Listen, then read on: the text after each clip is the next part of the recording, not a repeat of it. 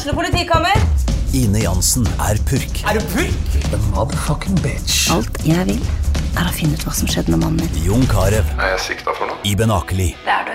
Ole So, Lars Berrum og Big Daddy Karsten. Hvem sin side er du på, egentlig? Anette Hoff, Tone Danielsen, Kommer du fra Afrika? Jørnis Josef, Nesten. Kløfta. Trond Espen Seim, Det er synd å si det, men det var feil mann som døde. Purk. Premiere tirsdag på TV2 Play. Studio Glimpodden i samarbeid med byggmaker Gunvald Johansen.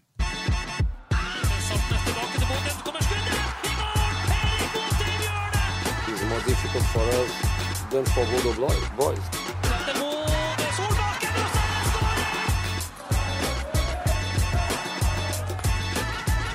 Let's enjoy it. Let's play. Velkommen til en ny utgave av Studio Glimt-podden, den første i 2023. Det er fredag 6. januar, og bare 40 dager igjen til sesongstart med europacupkamp mot Lech Poznan på Aspmyra.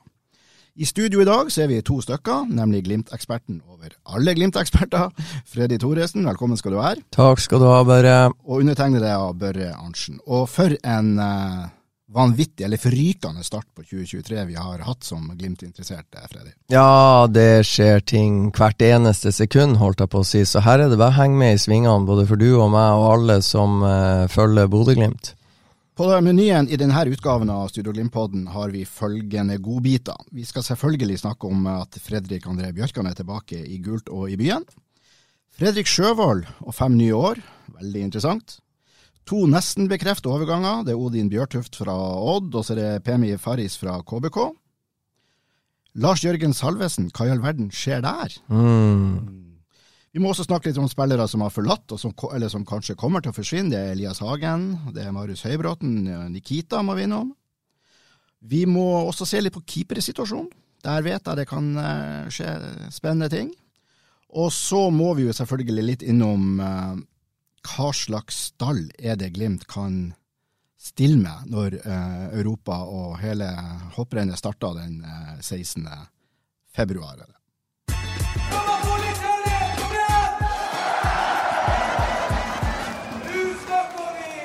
Før vi går løs på denne nevnte menyen her, vi var begge på trening i dag, Fredrik. Ja, vi var på trening i dag, og Bodø-Glimt trener jo ute på Aspmyra. De hadde fantastiske forhold på tirsdag, eh, minus én grad. Ikke vindpust eh, ute på Aspmyra. Guttene kosa seg, og så kom uh, onsdagstreninga. Da var det fire minus, eh, enda mer vind, og de gjennomførte ei flott trening på torsdag. Storbaneøkt. I dag dro vi inn i Nordlandshallen og så Bodø-Glimt-spillerne restituere etter torsdagens storbaneøkt med noen heftige runder med fotballtennis. Ja, det var jo ei avslappa økt, må vi trykke si. Det, og, men det betyr altså at den økta de kjørte i går, på torsdag, den var rimelig tøff. Den var tøff, de spilte på stor bane, to lag mot hverandre. Det var kaldt, men eh, de fikk gjennomført det de ønska, og eh, det var ei, ei ganske lang økt, og eh, det er jo tegn på at eh, du noterer, ikke sant, det er torsdag, hva tid er det Lekposnan kommer på besøk, så det meste nå er tuna inn mot torsdag, torsdag, torsdag, alle kampene. Junkeren i neste uke er på en torsdag, fire kamper i Spania etter det er på en torsdag, så eh, de går rett inn i turnus, og de snakker så fint om disse Glimt-trenerne. Så det blir kamp, eller kamprelatert trening hver eneste torsdag frem til den 16. februar. Det blir det, og det starter med altså første uke, det er ikke kamp, men en slags internkamp ute på storbane på Aspmyra eh, i går. Skal vi ta med hvem som var best i dag på fotballtennis? Det var, Ja, det syns jeg. Jeg mener det var jo et par-tre par, Glimt-spillere som var meget høye og mørke og fornøyd med at de vant trening, og de var skikkelig muggen på at Glimts egen medieavdeling ikke var i Nordlandshallen og tok bilde. Så jeg har ikke blitt tilbudt noe særlig, jeg registrerer at du heller ikke ble tilbudt noe pengesum over å kunne nevne de, name-droppe de som eh, ble eh, hederen og jubelen til del etterpå, men jeg vet ikke, spotta du noen? Nei, det var ingen som eh, tok kontakt akkurat, men vi kan jo nevne det likevel, bare for å være snill. Ja, for det var ja. en ganske trivelig trio. Det var jo eh, eh, Brede Mo. Ja, Brede Beckenbauer, selvfølgelig. Ja, så var det beistet fra eh, Brønnøysund, det er det du kaller han. Ja. Isak eh, Amundsen. Isak Amundsen viste alle sine tekniske og taktiske ja, egenskaper i fotballtennis. fotballtennis. Og så var det vel Ask eh, Kjæransen Skau. Ja. En bra trio, og de var veldig fornøyd da alle de andre måtte juble. de, måtte stille, de andre måtte stille seg en sirkel rundt eh, de tre vinnertrioen og, og hylle dem til Ja, jeg holdt på å si til spott og spe for alle som var i Nordland. Ja, men for en måte å starte helga på for de tre som vant. Ja, de, det der er viktig for uh, gutta. Du så uh, det ene laget, vi så vel en slags finale hvor både Hugo Vetlesen og Patrick Berg var på det tapende lag, og Hugo var jo årets spiller i 2022. Han var jo rimelig muggen i det han forlot åstedet. Sånn er det. Det er steinhardt. Tøffe tak. Ja. Ok, tilbake til uh, det vi skal snakke om som står på menyen. og Vi begynner da med uh, Fredrik André Bjørkan, som nå er tilbake i gult og i Bodø, og ser ut til å være veldig fornøyd med det.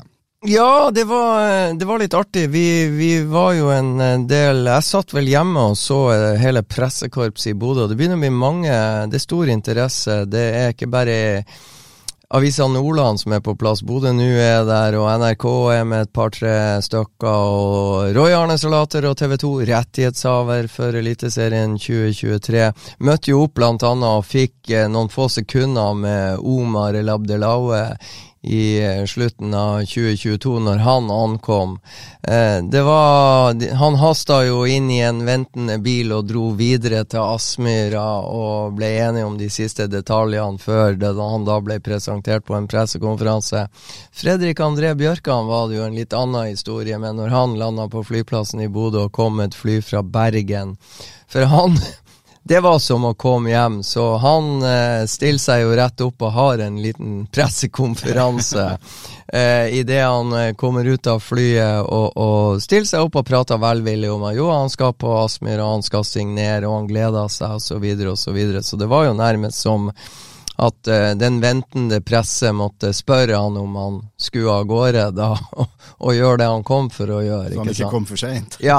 Så, uh, men han, han stråla av glede og smila og var veldig happy for at han uh, At avgjørelsen endelig var tatt, og at han kunne på en måte bare komme seg til Aspmyra og signere. Og det tok jo ikke lange tida før den bebuda pressekonferansen dukka opp, så det var fort gjort uh, etter at han landa, å bli ferdig med de siste brikkene. Nok en landslagsaktuell, uh, A-landslagsaktuell spiller i uh, Glimt sitt forsvar. Ja, det som bare Altså, hvis du De starter jo med Omar El Abdelawe, som jo fortsatt er en del av, av troppen, eller ja, en del av de på lista til Ståle Solbakken. Og da Omar kom, så var det jo et tydelig råd fra Ståle Solbakken om at Glimt var et godt valg. og jeg vet at Fredrik Bjørkan på de siste samlingene fikk også samme tipset fra eh, landslagstreneren om at uh, Kom deg hjem til Bodø så du får spille. For Fredrik Bjørkan har ikke spilt veldig mye fotball i 2022 eh, etter at han forlot Glimt, så eh, nå har de en eh, landslagsspiller på høyreback, og Brede Moe har vært i landslagstropp, og Marius Lode var i den siste landslagstroppen, og Fredrik Bjørkan var i den siste landslagstroppen. Så det er jo i backfireren til Bodø-Glimt, hvis vi tar ut laget her og nå, jeg og du, så er det jo bare landslagsspillere der, og det er jo et godt tegn. Det må en trygt kunne si. Eh, og det er vel sånn at selv om han har spilt lite, Fredrik André, i, eh, i 2022, så eh, regner vi vel med at han er et soleklart eh, førstevalg eh, på ja, venstrebacken. Akkurat nå er det jo konkurranse mellom Fredrik eh, André Bjørkan og Lukas Kuber, og den konkurransen har Fredrik Bjørkan vunnet før han eh, har trena én gang med Bodø-Glimt. Så, så, enkelt er det. Lukas Kuber det, han er ikke dårlig, altså. han er ung og lovende på tur opp, men han har mye å lære. og forhold til erfaringa Fredrik har, selv om han spilte lite i 2022, så går han rett inn. Og da sier jeg Bris Wembangomo er jo fortsatt en del av Glimt-troppen, men han eh, forlot Bodø etter tapet på eh, Lerkendal og er senere blitt operert og har fortsatt ikke vendt tilbake til, til trening her i Bodø. Så nå er det Fredrik Bjørkan som er førstevalget på venstrebacken i, i Bodø-Glimt, og jeg tror at eh, her er jo en kamp mot Junkeren eh, i neste uke, og så er det fire treningskamper i Spania, og ting kommer til å gå fort. Fredrik spiller seg i form gjennom å spille kamper med i et system han kjenner, med lagkompiser han kjenner, så uh, vi, vi, altså, både Patrick Berg og Marius Lode, som har vendt tilbake etter eh, litt kortere proffopphold ute i den store verden enn det de forventa da de dro. De brukte litt tid på å komme inn i det her igjen. Nå kommer Fredrik i ei sånn her oppkjøring, og da stiller han på en måte litt på lik linje med de andre som også er i oppkjøring. De har hatt syv uker ferie, de andre spillerne, så eh, mm. de starter litt på scratch, og jeg tror det kommer til å gå fort med Fredrik Bjørkan. Han har spilt venstreback før, og det er venstreback han skal spille i Bodø-Glimt, så her, her, tror jeg både han og de andre rundt han vil, eh, vil kjenne igjen hva de holder på med, ganske raskt. Kjetil har vært ganske tydelig på at uh, han gjerne ser at Bris uh, blir i, uh, fortsatt skal være i Glimt. tror du det han tenker på Bris da som, en, som et alternativ til Omar? Ja, det altså tror jeg. Ja, altså Ja, egentlig. Det Bodø-Glimt Hvis du har kontrakt med Bodø-Glimt, så må du ta sikte på å kunne bekle flere roller. Hvis du som Glimt-spiller kun er interessert i å bruke én eller og, og dyrkes i, den, i, i, favorittrollen din, så kan det hende at uh, hvis du ja, Da kan det hende det blir litt mindre spilletid på deg. Det handler om å, Som fotballspiller handler det om å bruke mulighetene eh, du blir tildelt. og Vi, vi hører rykter sørfra at Brisveen Bangomo er misfornøyd med at Bodø-Glimt henta Omar El Abdelaue. og... eh, henta han da som høyreback, og, og, det er mulig at Bris har grunn til å være misfornøyd. Det er mulig det er noen lovnader her som ikke jeg kjenner til. altså At, han, eh, at Glimt-trenerne har snakka med han om at han skal flyttes fra venstre back og, og, og over til høyre back. Men han har kontrakt i to år til med Bodø-Glimt, eh, så enkelt er det. Brisveen Bangomo spilte venstreback i hele 2022, og han gjorde det ganske bra etter min vurdering. Han klarte seg steingodt. Selv om han hadde noen kamper som var svakere enn andre, så var han jevnt over en av seriens beste venstrebacker. Uh, han har ekstremkvalitet og uh, mange enorme ferdigheter, så det er klart det. Hvis han vil vekk så fra Bodø-Glimt noe jeg har hørt rykter om, ja, da er han avhengig av at eh, han og hans agenter kommer opp med en klubb som er villig til å betale det Bodø-Glimt krever. Han kommer ikke til å bli noe billig spiller å hente. Det kan jeg garantere. Han har to år igjen av kontrakten, så det blir litt opp til Brisveen Bangomo og hans støttespillere rundt om han vil være en del av troppen til Kjetil Knutsen og Morten Kalvenes og kompani på Aspmyra. Det begynner å bli en steike god tropp. Det er, det er en fyldig tropp. Og, og da handler det om å ta opp konkurransen med de som er rundt, og så benytte de sjansene du får. Personlig håper jeg jo Bris rett og slett bare slår seg til ro med kontrakten sin og og satser på å konkurrere med Omar om høyrebackplassen. Ja, det hadde vært spennende. Jeg tror, eh, hvis, hvis, drømmen er om å komme seg ut i den store verden, så tror jeg det er tøffere klima eh, der. Det tror jeg Fredrik eh, Bjørkan har fått erfart i Tyskland. Det tror jeg Patrick har fått erfart i Frankrike. Det tror jeg Jens Petter erfarer hver dag nå i Belgia. Og, og det er tøffe tak. Det er en helt annet klima der ute. Uh, og uh, hvis Bris Wembangomo uh, vil ut i den store verden og spille, så tror jeg han må tåle de tøffe takene som, som er i, i Bodø-Glimt i dag, og den skjerpa konkurransen som det er både på høyreback og venstreback. Så det er bare å komme på trening og ta opp konkurransen med de andre, så er det nok av ferdigheter i Bris Wembangomo, så han kan, han kan vippe både den ene og den andre ut av laget, hvis han ønsker. Veldig bra. Uh, Litt mer om Fredrik André, bare for, for, å avrunde. Du har jo sett han på trening, du sier han virker veldig blid og fornøyd og glad for å være her. Virker han fit? Virker han uh, bra trent ja. og i godt slag? Ja, altså nå var det den uh, vel egentlig den storbaneøkta i går pluss uh, fotballtennis i dag. Du ser på det bare går litt tett på de Glimt-spillerne, så ser du at de, de kom fra ferie rimelig fit. Du, du ser det på de, altså. De er stramme i kroppen, eh, de fleste. Og eh, også Fredrik André Bjørkan. Så, så, her er det nok bare å komme inn i, i kampmodus. Og jeg, jeg spurte han har ikke hatt noen skadeproblemer eller noen ting som helst. og han klarte seg også bra i de landskampene han fikk, de innhoppene han har fått for Norge. Vi har ikke sett han så mye for Hertha Berlin, og vi har i hvert fall sett han veldig lite etter at han dro til Feyenoord. Det ble vel med debuten mot Go Ahead Eagles borte. Um, så i de landskampene brukte han til å bevise at han ikke har glemt å spille fotball. Så jeg tror det kommer til å gå fort. Men det, det er interessant for å ta hvordan det var. Bare, jeg syns det er interessant å nevne det. Fredrik Bjørkan blir enig med Hertha Berlin i november 2022.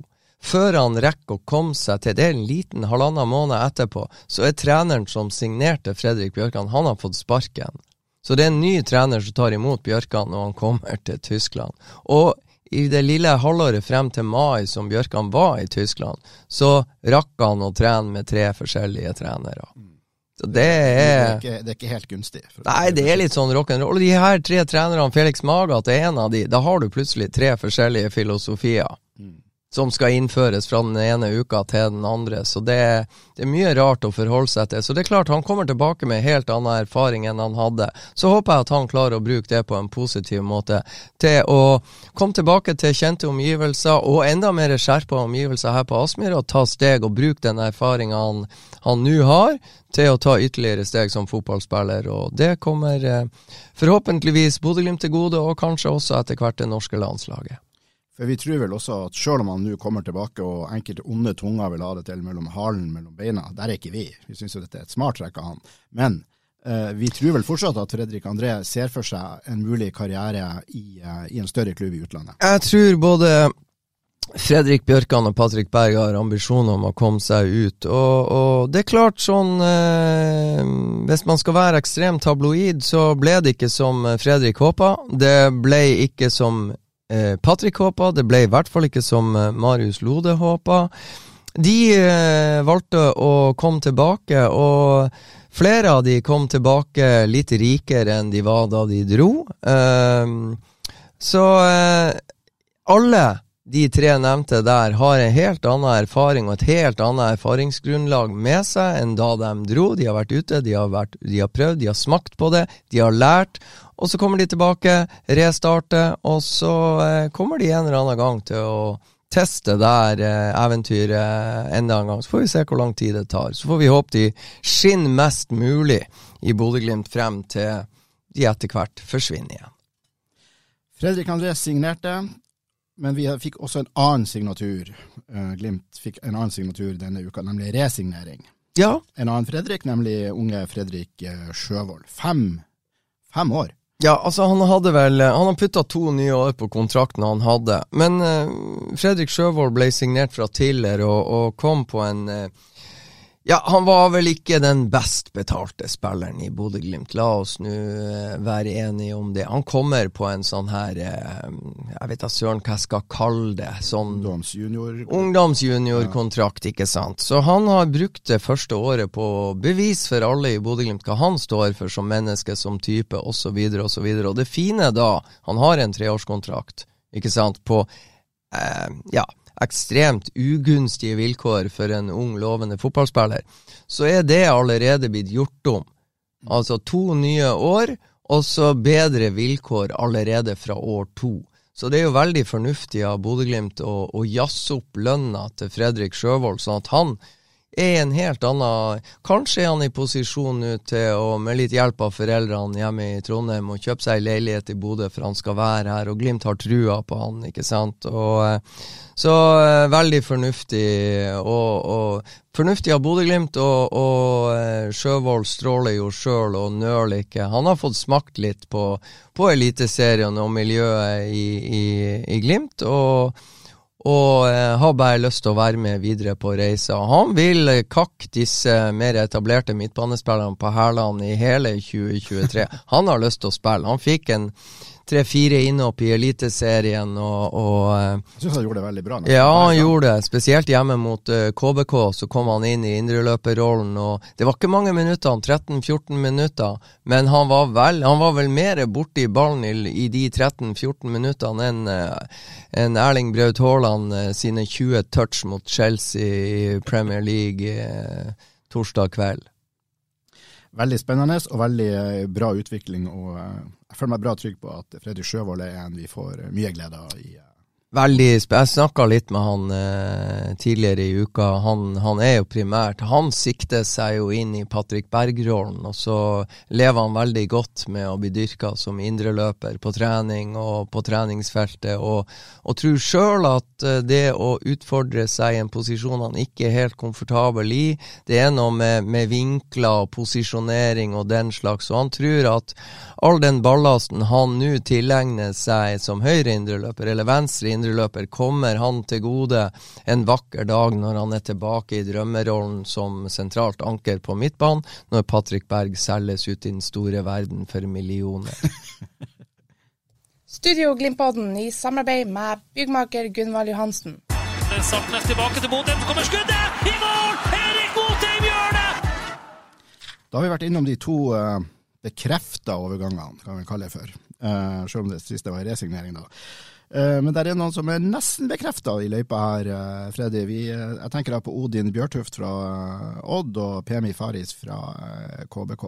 Ja, og de må vi jo snakke litt om. Og la oss nå begynne med Odin Bjørtuft. Så så kom det jo eh, tidligere i uka Vi har jo hørt noen rykter om et bud fra japansk fotball, Urava Red Diamonds, eh, som kjøpte for en tid tilbake Kasper Junker for rundt 25 millioner fra Bodø-Glimt.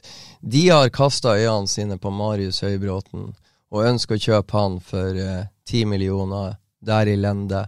Marius Høybråten har bekrefta at de opplysningene vi satt på, at det kom først et bud på på noen millioner mindre enn ti, da, og så har japanerne øka det budet.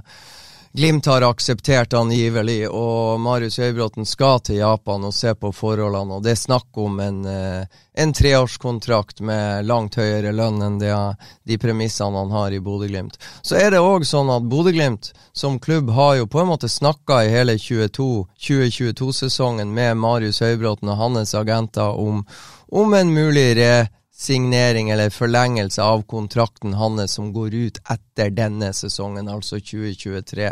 De har ikke kommet til enighet. Sånn at det vi vet er viktig for Bodø-Glimt fremover, det å unngå å havne i situasjoner hvor Alfons Samsted etter sesongslutt går gratis ut i den store verden, Nikita Haikin går gratis ut i den store verden. Ola Solbakken det samme. Det ønsker Glimt å unngå, og det beviser de nå, når de viser vilje til å selge Marius Høybråten allerede nå før sesongen er kommet i gang. For ikke sant, jo kortere tid du har igjen på kontrakten din, jo lavere blir salgssummen Glimt kan cashe inn på en spiller som skal selges. Nå, ti millioner inn. Og så investerer de de ti millionene angivelig i Odds Odin Bjørtuft. Ikke sant? Det er jo å bytte penger her. Altså det som skjer teknisk sett, det er jo at de kvitter seg med en spiller som har ett år igjen av kontrakten. Så får de kanskje inn en spiller som signerer for fire år. Så det er jo teknikaliteten her, og det koster ingenting. Ut med en som har ett år igjen, inn med en som får fire. Nå vet jo ikke vi hvor lang kontrakt eventuelt Odin Bjørtuft signerer med Glimt. Det vi vet, ifølge presse i, pressen i Telemarksavisa, Varden og TV 2, Odd og Glimt er enige om sum for Odin Bjørtuft. De anslår ti millioner pluss, pluss, pluss hvis han spiller så og så mye. Det vil jo vise seg, da. Og så må Glimt bli enig med Odin Bjørtuft, som for tiden befinner seg på ferie i Frankrike. Det er derfor vi hører så lite om dette nå, sikkert. Ja, han er på ferie med kjæresten, for Odd har ikke tenkt å starte opp uh, så tidlig som Glimt, uh, så han er på ferie. Så jeg holdt på å si jeg håper for Odin Bjørtuft sin del, hvis han blir enig med de personlige betingelsene med Bodø-Glimt, så håper jeg at han har holdt seg i form på ferie med sin fru. For eh, han kommer til å bli da kasta rett inn i eh, regimet til Bodø-Glimt. Og hvis du kommer rett fra ferie, så kommer det til å bli blytungt. Men hva vet vi om Odin sånn spillemessig? Eh, hvordan, eh, han går jo for å være et, et veldig stort talent, har U-landslagskamper og er ja, ja, en offensiv stoppertype. Ja, altså vi, eh, Sist så så vi Odun Bjørtuft i midtforsvaret til Odd uh, slippe inn sju mål mot Bodø-Glimt på Aspmyra. Så uh, det var vel kanskje ikke den heldigste kampen verken for Odin Bjørtuft eller Odd-keeper Leopold Hvalstedt, som Glimt også har lagt inn bud på. Men det er en spillende, en, en midtstopper som har eh, er teknisk god, trygg med ballen, god i oppspillsfasen, robust i eh, duellspill i boks. Eh, så har han jo kunne sikkert ha vært litt uh, raskere. Jeg registrerer at Jan Frode Nordnes, tidligere Odd-trener, skryter veldig av han. Det skjønner jeg jo godt. Og Jesper Mathisen mener det er en bra signering av Bodø-Glimt. Molde prøvde å hente han i august i fjor, ble aldri enig med med Odd, og det at Molde er interessert i han er jo også et uh, kvalitetstegn. For Molde, Molde og det teamet rundt der vet jo hva de holder på med. De er flinke og henter gode spillere. Så, uh, men uh, han må kneppe opp et hakk eller to og ta steg i Bodø-Glimt, det er det ingen tvil om. men ja, For å være litt grei med, med, Odin da, og, og, Leopold, siden du nevnte det 7-0-tapet for Glimt, ja. så var vel de samme to med da de Odd slo Glimt. Uh, ja, det er helt rett. Ja, det, de har, da, men da fikk vel Odin også rødt kort? Måneden før. Ja, han eh, var vel og pælma en høy fot i Var det Victor Boniface, eller hvem det var, som uh, fikk et høyt spark, og han ble sendt av banen med rødt kort, Odin Bjørtuft. Men uh, litt artig, Glimt har jo hatt Odin Bjørtuft er jo egentlig fra Porsgrunn, og kommer ifra Heistad. og Hei, som er moderklubben hans, spiller jo på en bane som de kaller på folkemunne i Porsgrunn Haybury. Litt artig. Og der kom jo også Vegard Bergan fra. Så han er jo den andre spilleren fra grønntrøyene eh, i Hei IL som angivelig tar turen eh, nordover og, og, kanskje blir Glimt-spiller. Hvis, som sagt, Bodø-Glimt blir enige om de personlige betingelsene hans, og som gjør at han da setter pen to paper på en kontrakt med, med Bodø-Glimt. Så det, det blir spennende å følge. og Foreløpig så vet vi som sagt bare at klubbene er, er enige, og så venter vi i spenning på at forhandlingene mellom Glimt og spiller skal ta løs. Uh, det var stopperen fra Odd, og så har vi spissen fra KBK. PMI ja, Faris. PMI Faris. En eh, kar fra Kamerun som eh, ble henta til KBK.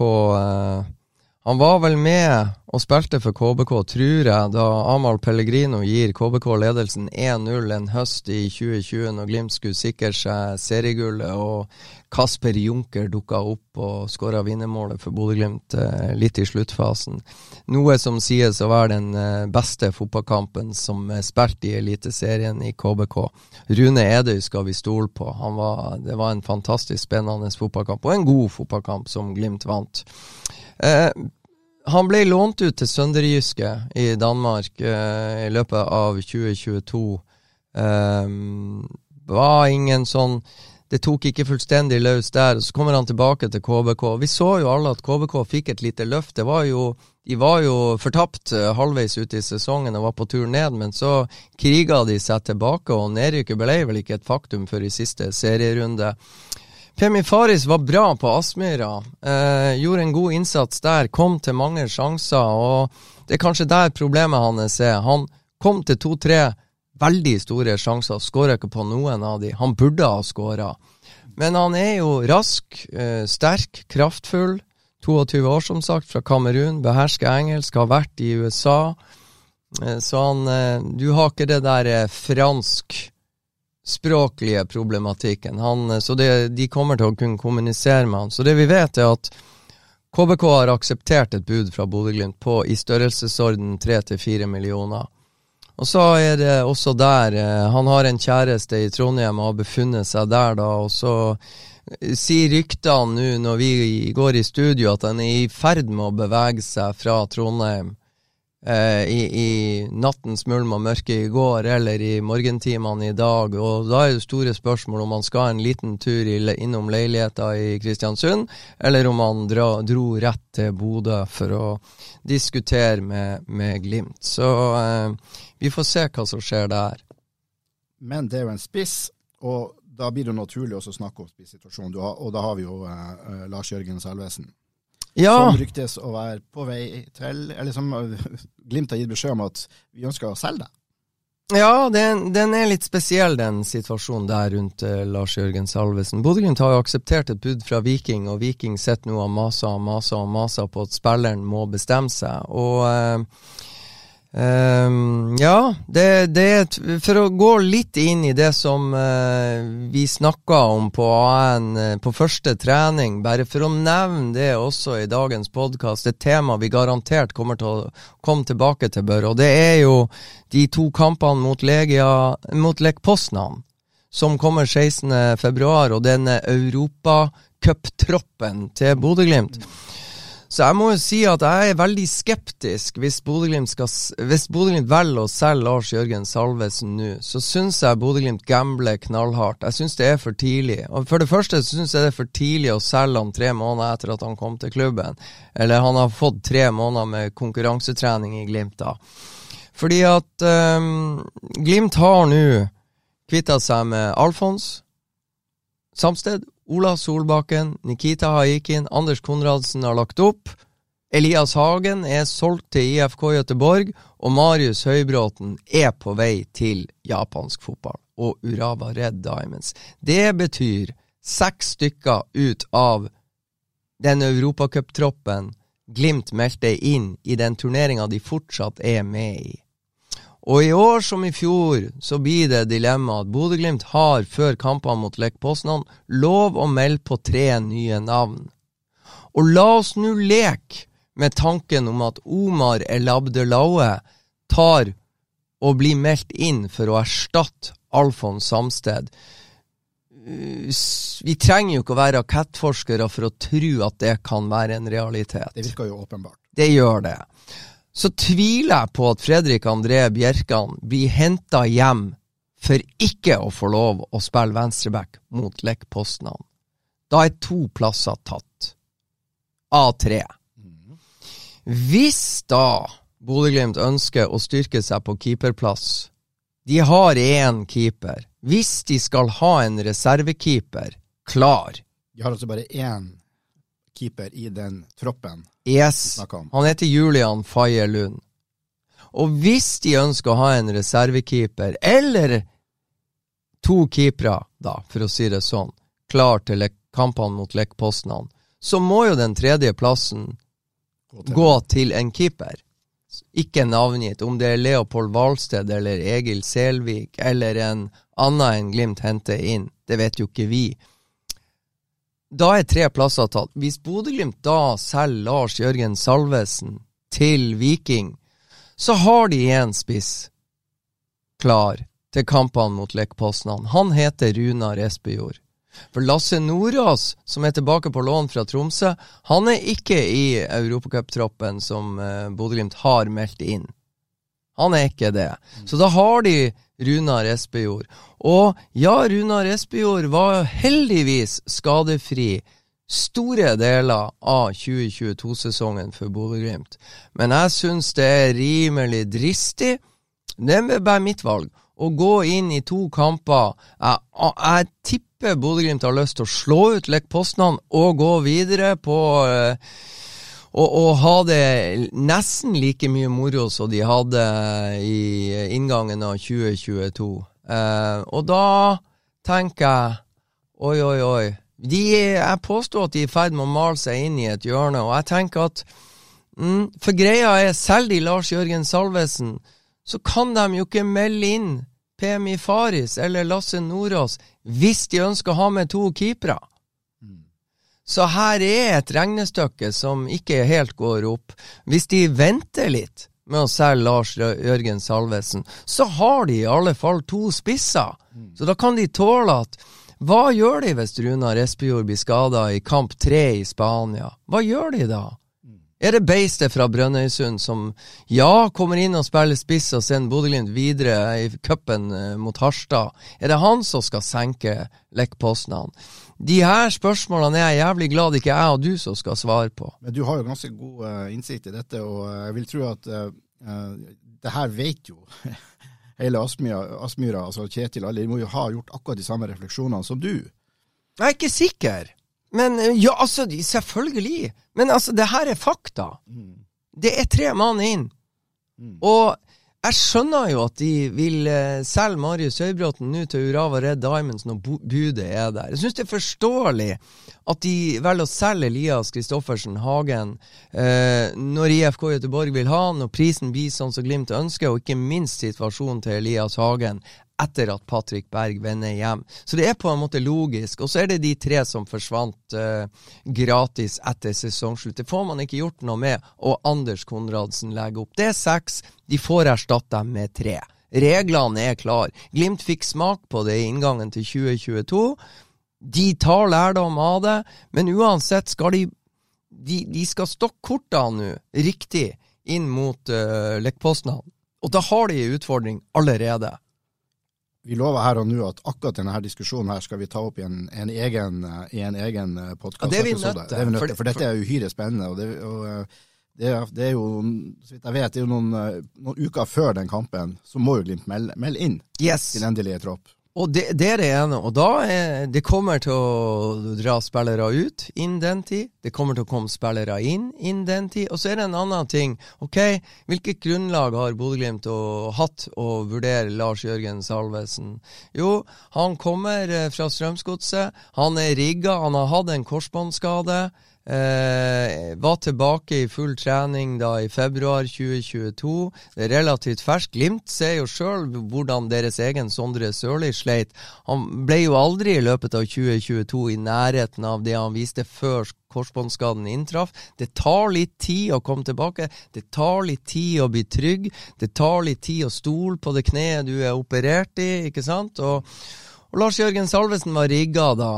Det gikk bra å spille én kamp i uka for Strømsgodset. Var konkurransedyktig. Så kommer han til Bodø-Glimt, ett steg opp, la oss nå være enige om det, i forhold til der han kom fra. Skal spille to kamper i uka. Det, kroppen spiller ikke på lag, den blir tyngre. Han driver og trener styrketrening på det kneet for å bli tryggere. Bli seig, lykkes ikke helt. Etter hver drømmestart mot uh, Salgiris var det vel han kom inn på og skåra og tidlig. Og så blir det tyngre og tyngre og tyngre. Så har han litt press på seg. Høy uh, kjøpesum, ikke sant. Omgivelsene forventer. Han føler ikke sjøl at han har den snerten i steget som han ønsker. Og så blir det en voldsomt negativ spiral for han. Og til slutt så, så blir det ganske dårlig. Ok, hva har han gjort? Han har også hatt sju uker ferie. Han løsner opp på den der styrketreninga i kneet sitt. Han begynner å, å, å, å komme i angrepsposisjon. Og, og, han har vist på tirsdag, onsdag og torsdag at steget det er noe mer snertig allerede enn det var i hele høst. Og Det har både Marius Lode fått smak på, og ikke minst Brede Moe. Jeg må få fortelle hva Brede Moe gjorde i går. Han har da Brede Moe òg i god shape nå. Han har også jobba i ferien. Veldig godt å høre. Så trenerne har pusha stopperne til Bodø-Glimt på at uh, noe de sleit litt med i fjor. De er litt snille, så hvis du skal bryte foran og du ser du bom, legg han i bakken. Ta og lag frispark der og da høyt i banen og bli ferdig med det. Ikke la de slippe videre. Her kommer Bredemo i duell med Lars Jørgen Salvesen, som da er på B-laget, ikke sant, på treninga i internkampen. Bredemo bryter foran, leser spillet perfekt. Det var én ting han hadde glemt, og det var at Lars Jørgen Salvesen har bitte litt mer snert enn han hadde på treningen i slutten av 2022. Så han går all in. Lars Jørgen Salvesen var kjappere. Venner av Brede Mo. som saga han i biter, bare la han i bakken. Pang! Flata ut. ok. Ja, ja, ja. Så det der får vi se. Får no vi se. mercy. Så uh, de flirer litt uh, i dialog med hverandre etter treninga på torsdag. De gjorde det. Men et foreløpig eh, klokkeklart råd fra deg, må jeg vel kunne kalle det. Det til Kjetil Knutsen og co. Det er ikke selg uh, Lars Nei, jeg, jeg, jeg, syns, jeg syns det er skummelt i, i forhold til de brikkene de har fått utdelt inn mot Legia Warszawa. For jeg vil ikke gå inn i Legia Warszawa-kampene med én spiss. For jeg tror Er det én ting jeg tror vi kan garantere, så er det at i løpet av sesongoppkjøringa inn mot de kampene der Kamp mot Junkeren, fire kamper i, i Spania. En, en eller annen skade kommer til å skje, vi vet bare ikke på hvem. Et eller annet. Alt kommer ikke til å Altså, alle kommer ikke til å gå på vannet hele veien der. Det kommer til å skje et eller annet. Og de er allerede før avreise til treningsleir i Spania, så er de litt short. Seks mann ut, som jeg sier. Tre mann inn. Så de er short. Og det vi også vet, Amahl Pellegrino er operert. Ulrik Saltnes er operert. Brisveen Bangomo er operert. Hvem av disse klarer å komme seg tilbake matchfit til kampene mot Lech Poznan? Og i tillegg, årets spiller i 2022, Hugo Vetlesen, har karantene. Så I, de den, er I den første kampen. I den første Ja. kampen. Så likevel, eh, ja. Så um, her er en kabal som, uh, som, er vanskelig å legge, som skal løses. Og jeg tenker, ha litt is i magen med det salget av Lars Jørgen Salvesen tenker jeg. Og det kan godt hende at han i løpet av, hvis man avventer litt, viser helt andre tendenser i løpet av første treningsmåned enn han gjorde i løpet av sine For i løpet av første måned med trening i 2023, så kommer han til å få trent eh, mer med hel gruppe, med hel treningsgruppe, enn han gjorde i hele perioden han har hatt i Bodø-Glimt. For Første måneden til han så var det ei treningsuke som var normal. Altså mm. med én kamp ikke, ikke i uka. ja. Ja. Tre sånne treningsuker har han hatt etter at han kom til Bodø. Nå vil han i løpet av januar få fire. Mm. Jeg kan godt hende at uh, beslutningsgrunnlaget over hvilken spiller vi har, er tydeligere i midten av februar enn det er nå. Studio Glimpodden i samarbeid med byggmaker Gunvald Johansen. It's more difficult for us than for Bodo boys. Keepersituasjonen. Vi, ja. vi, har, vi har nevnt navn, navn, Vi har nevnt både Leopold Valstete, og vi har nevnt altså han, han, fra Odd, og vi har nevnt Egil Selvik, som også ryktes Glimt skal være interessert i, i Haugesund. Uh, men det virker åpenbart at Glimt må ha en, eh, en, forsterkning på den plassen. Og hva er din magefølelse der? Hva du tror skjer? Eh, Bodø-Glimt har lagt inn et bud. Førstevalget til Bodø-Glimt tror jeg udiskutabelt er Leopold Hvalstedt i Odd. God keeper, fantastisk signering av Odd. Så henter han fra Arendal før noen andre toppklubber i Norge vet at Skjønte hva det var? Ja. Uh, og han har faktisk 22 år, er han vel. 22-23. Ung keeper. Hadde ei voldsom utvikling. Dundre ut eh, Sondre Rossbakk, som frem til da sønnen til legenden Einar Rossbakk, som var oppe på Aspmyra, tapte 8-0 for Lyn mot Bodø-Glimt. Eh, blir pælma ut i kulden her, og Leopold Hvalstedt overtar hanskene på gamle Falkum Arena i Skien, som jeg liker å kalle den. Meget god keeper, spennende keeper, ung, lovende, fremtida foran seg og alt som er.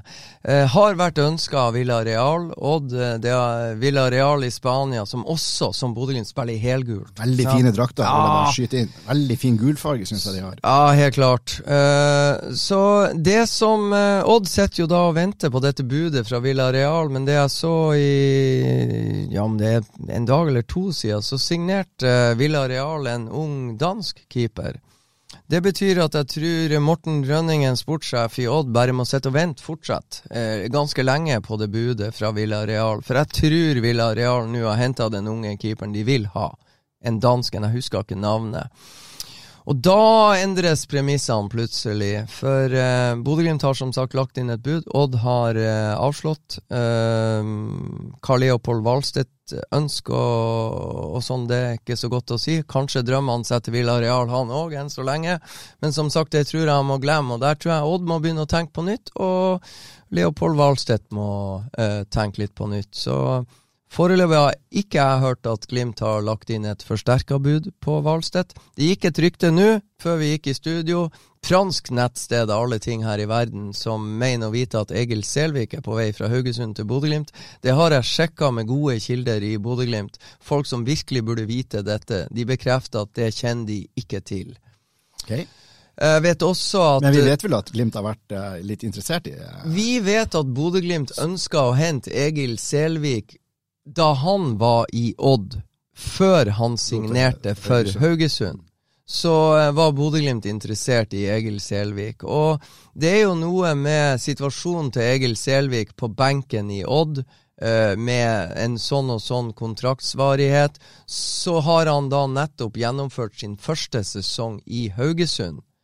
Uh, har lang kontrakt, prisen blir noe annet. Og I Haugesund har Egil Selvik fått spilt og er det udiskutable førstevalget. Gjorde en veldig god sesong. Ja, er en veldig god keeper. Men det er klart eh, eh, Sannsynligheten for å få han fra Haugesund er mye mer krevende enn det var da de forsøkte å hente han fra Odd. Og, og, da viste det seg jo å være umulig. De ville ikke kvitte seg med sin reservekeeper der. Så jeg tror Egil Selvik jeg, jeg tror egentlig ikke Bodø-Glimt har prøvd å hente Egil Selvik enda. For å være helt ærlig. Ok, Jeg tror de til tross for masse rykter. Og, Jeg, ja, jeg tror ryktene stammer i at de var interessert i Egil Selvik før han valgte Odd. De var interessert i Egil Selvik mens han var i Odd. Og i mellomtida har jo Glimt fått Nikita Haikin og er veldig fornøyd med han. Og har kosa seg med han i mange år. Og så i mellomtida, da, så går Egil Selvik til Haugesund. Og så syns jeg Glimt beviser at førstevalget deres er Leopold Valstedt i Odd. I og med at de faktisk har lagt inn et ganske høyt bud på han, som de har fått avslått. Og eh, hvis jeg skal nå spå, så tenker jeg at eh, det kommer til å komme en keeper på trening og vise seg frem for Bodø-Glimt eh, i neste uke, eh, før de reiser til Spania.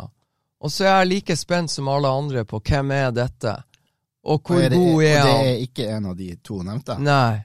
Altså, Leopold Wahlstedt kommer jo ikke opp til Bodø for å vise seg frem på trening. Det jeg hører, det er at det er en keeper som er eh, mulig for Bodø-Glimt å få finstudere på trening før avreise til Spania. Og det var jo sånn Bodø-Glimt fikk tak i Ricardo Friedrich, og i sin tid Nikita Haiken.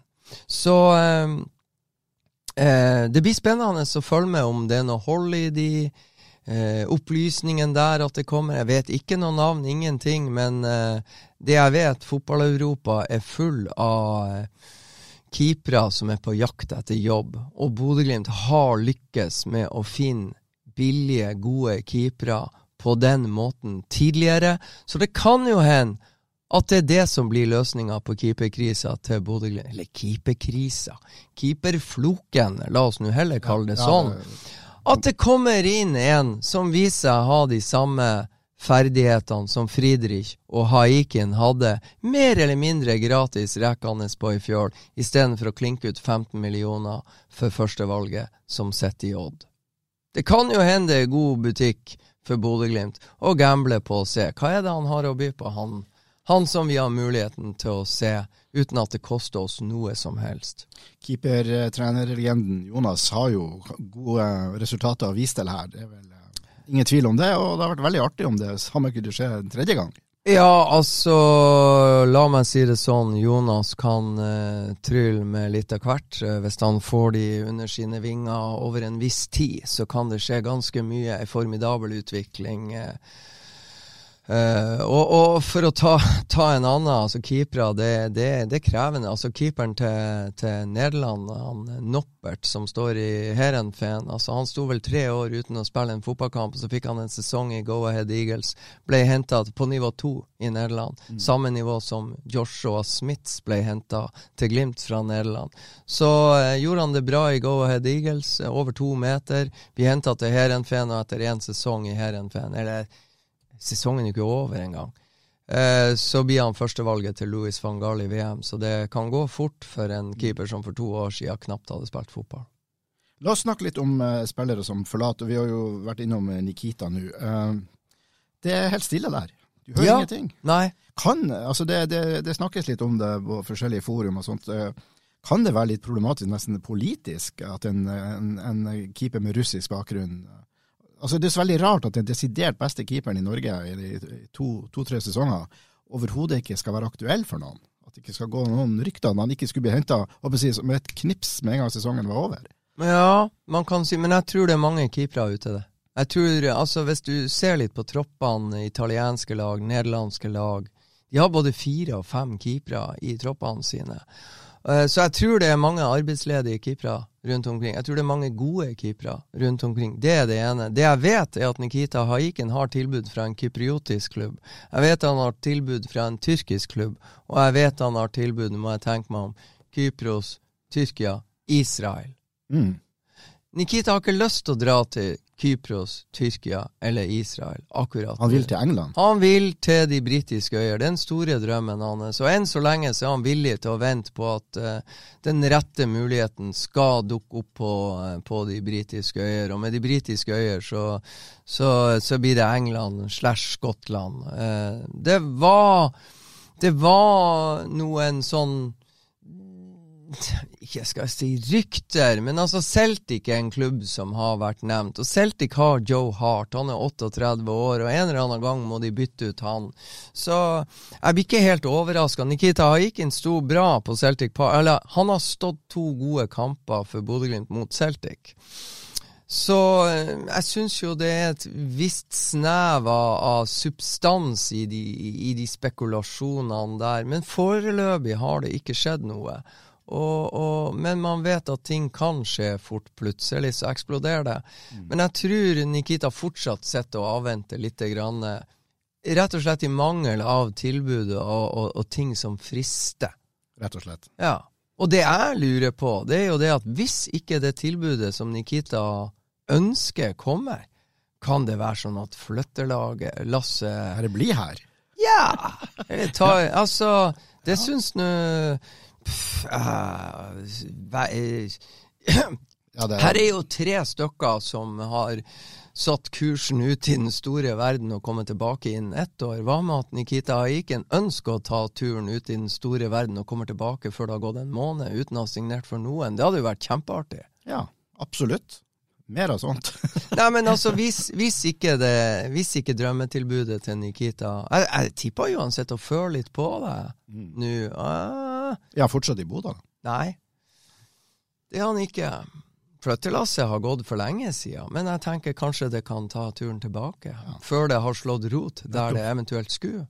Nei, altså, jeg bare sånn, altså, Rarere ting har skjedd før, tenker jeg. Absolutt. Og det vil jo definitivt ha løst keeperfloken. Det hadde jo vært ironisk hvis så hadde skjedd. Og enda, altså En av de første kampene Glimt skal spille i Spania, det blir jo mot tidligere førstekeeper og kaptein Ricardo Friedrich. Og jeg vet da søren om Ricardo Friedrich, hvis han fikk velge på øverste hylle Kanskje ikke kuldemessig eh, ville han ha vært i Bodø, men eh, det må da være litt kulere å spille i Bodø-Glimt og i Europacup og, og vinne litt seriegull enn å holde på i Kalmar i Sverige. Men Kalmar gjorde en veldig god sesong da med, med Ricardo Friedrich. Men vi får se.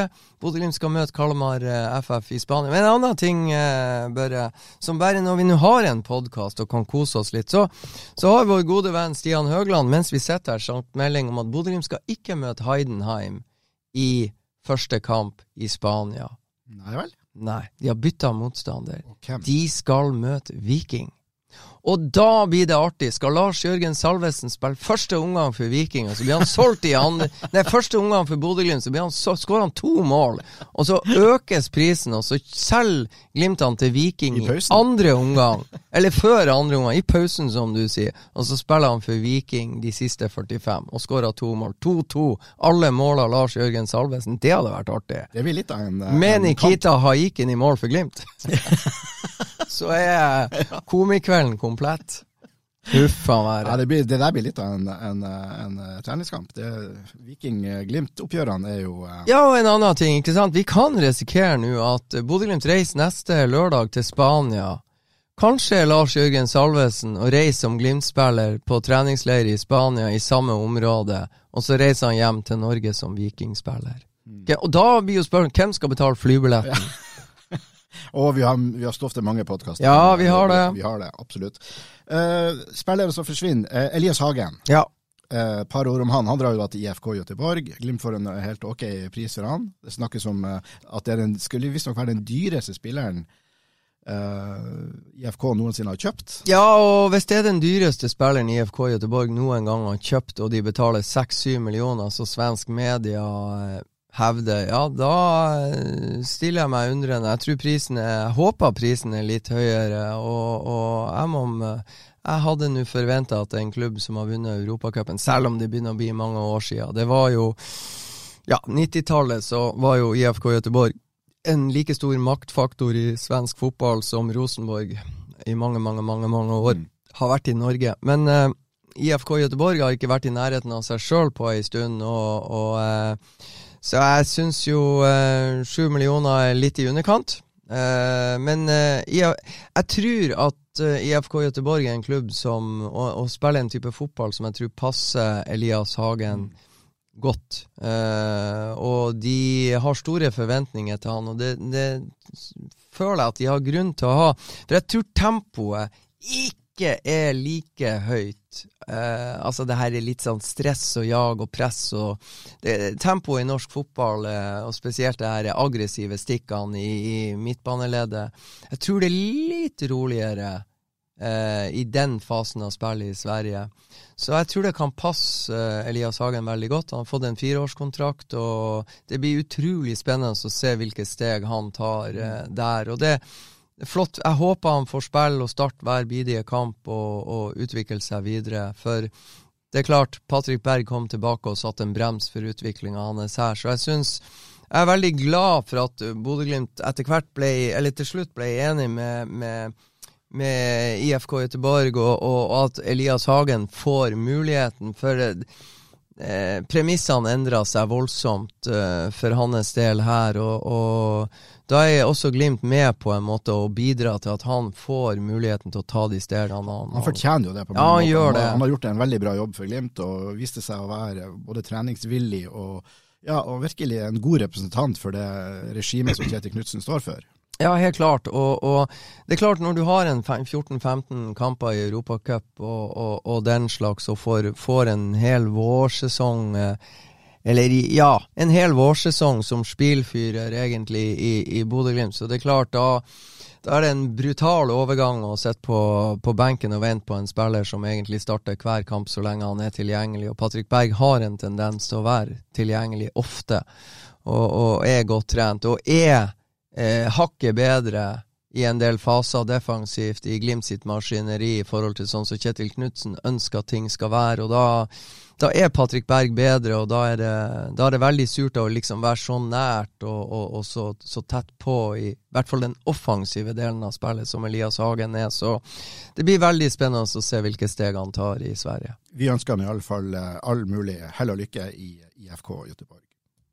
Studio Glimtodden i samarbeid med byggmaker Gunvald Johansen. It's more difficult for us than for Bodo boys. Er det andre navn vi må innom av forskjellige grunner? Uh, Adam Sørensen. Den ja. Den danske venstrebacken. Ja, dansk venstreback. Jeg kan ta uh, Jeg tok jo Vi har jo en bodøværing som, som gjør det relativt bra i Danmark, har vi ikke det? Jo da, vi har vel det. Hvor gammel er han? Han er vel 18? 19, ja, ja, 18, ja 18, nei 18, jeg tror du har rett. Ja. Du har rett. Hva han heter Det er jo Skjeldrup vi snakker om. Andreas Skjeldrup. Da den første ryktet om uh, Adam Sørensen nå i dansk media uh, eh, dukka opp, så måtte jeg jo spørre familien Skjeldrup, for det var jo romjulsturneringsfotball og moro, og Andreas var her. Så spør jeg han pappa Jørn Tommy, du uh, Og han gjør Tommy har god kontroll på dansk fotball. Du, han, han følger bra med. Ja. Han, Adam Sørensen, er det en god spiller? Så Andreas Schjelderup sitt svar. God spiller, lykke til, dette blir dyrt. ok. Ja. ja. Så han er en eh, han, eh, Altså, Lyngby har slitt i, eh, i denne delen av, av, sesongen, men Adam Sørensen har vært Lyngbys beste spiller. Han er et fyrverkeri av ei hjulvisp som er høyt og lavt langs venstresida. Så har tempo, fart, er teknisk og er veldig offensivt anlagt. Og, og Glimt har jo ønska han før. Da torde han ikke helt å, å bite på muligheten. Eh, jeg har sjekka litt internt. Eh, det er ikke så mange det går an å sjekke, men Glimt er jo ekstremt hemmelighetsfull rundt alt de gjør. Men jeg, da ryktene om Sørensen og Bjørkan dukka opp på et vis samtidig, ja. så, så, fikk jeg lagt inn til troverdig hold eh, Er det han eller han dere går for? Ja, eh, det var naturlig å tenke sånn. Ja. Bruker, bruker, de interessen for å få en ja. reaksjon hos den andre? Nei, ja, og er det Det er jo Det kan jo være dumt å bare gå etter én, og så ryker han, og så må du starte på null. Eh, jobber dere med begge i et håp om å få én, ikke sant? Har dere to følere ute i et håp om at én biter på, og så kom bare svaret jeg fikk, hva, er det ikke lov å hente begge? Jo da, men uh, vi kan Ja, hva svaret ja. jeg fikk. Ja.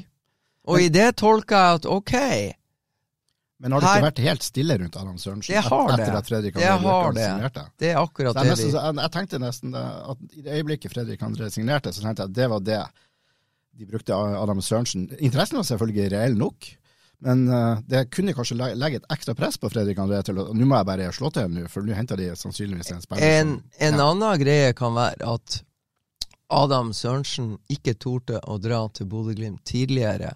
Kan være at han nå ikke tør å dra til Bodø-Glimt av redsel for å ta opp konkurransen med Fredrik André Bjørkan.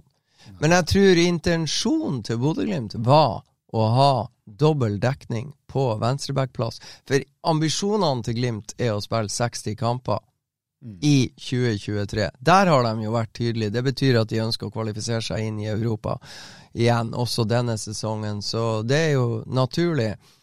Jeg tror ikke Fredrik Bjørkan spiller 60 kamper i 2023.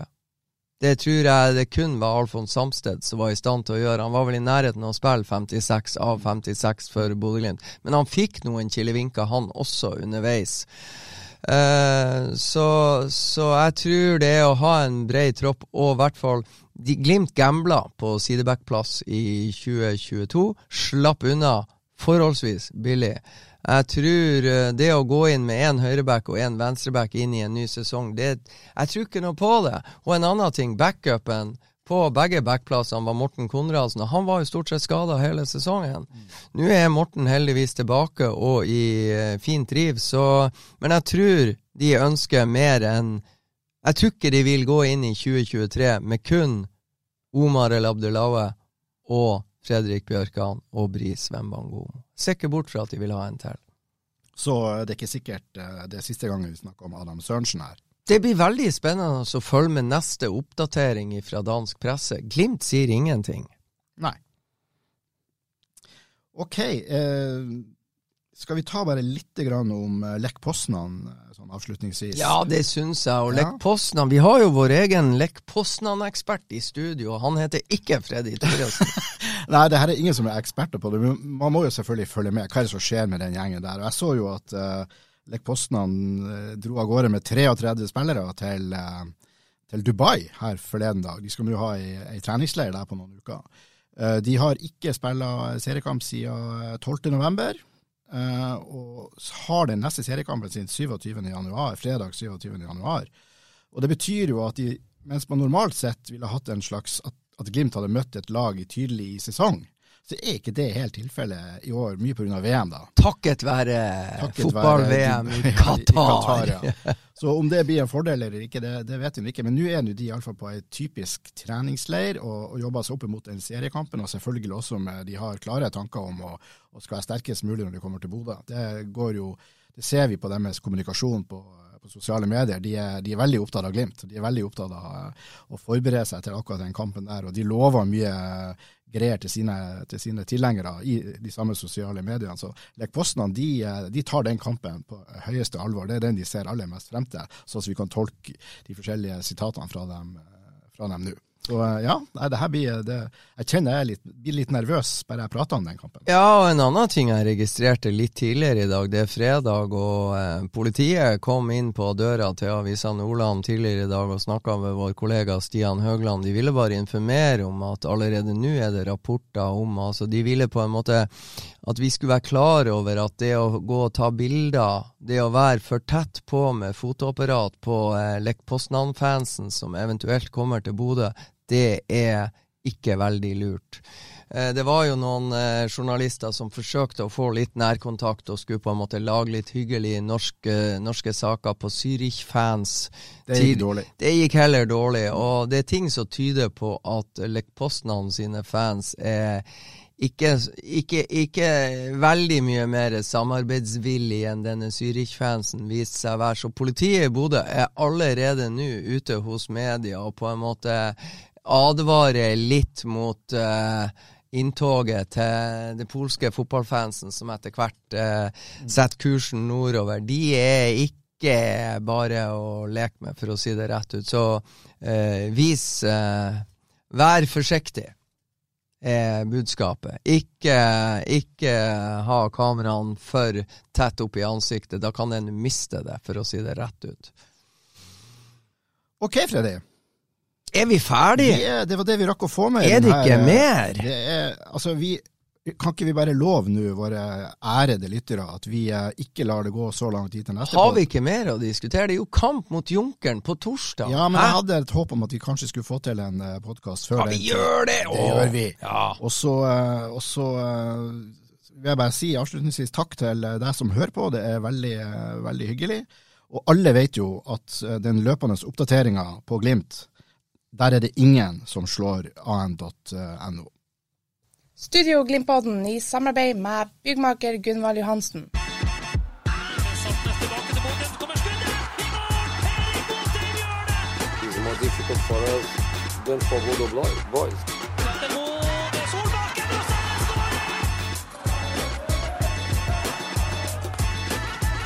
Let's enjoy it, let's Botheim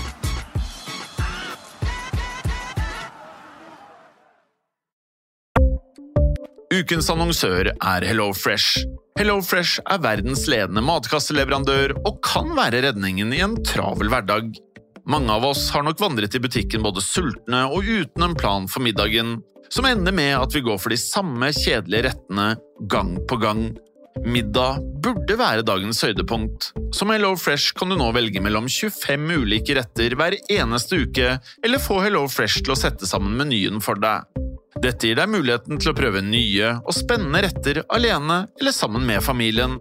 Du velger antall porsjoner og får alt levert på døren på et tidspunkt som passer for deg. Oppskriftene er enkle, og maten er lett å lage både for store og for små. Ved å få alt levert hjem får du også mer tid til å dele matgleden med familie og venner. Kanskje det frister med asiatiske tacos eller greskinspirert kylling? Da kan jeg anbefale deg om å gå inn på hellofresh.no. Her kan du bruke koden FOTBALL og få opptil 1779 kroner i rabatt på de første fem matkastene hvis du ikke har prøvd HelloFresh tidligere. Du kan også bruke rabatten hvis du har vært kunde og stoppet abonnementet ditt for tolv måneder siden eller lengre. Gå inn på hellofresh.no og bruk koden FOTBALL.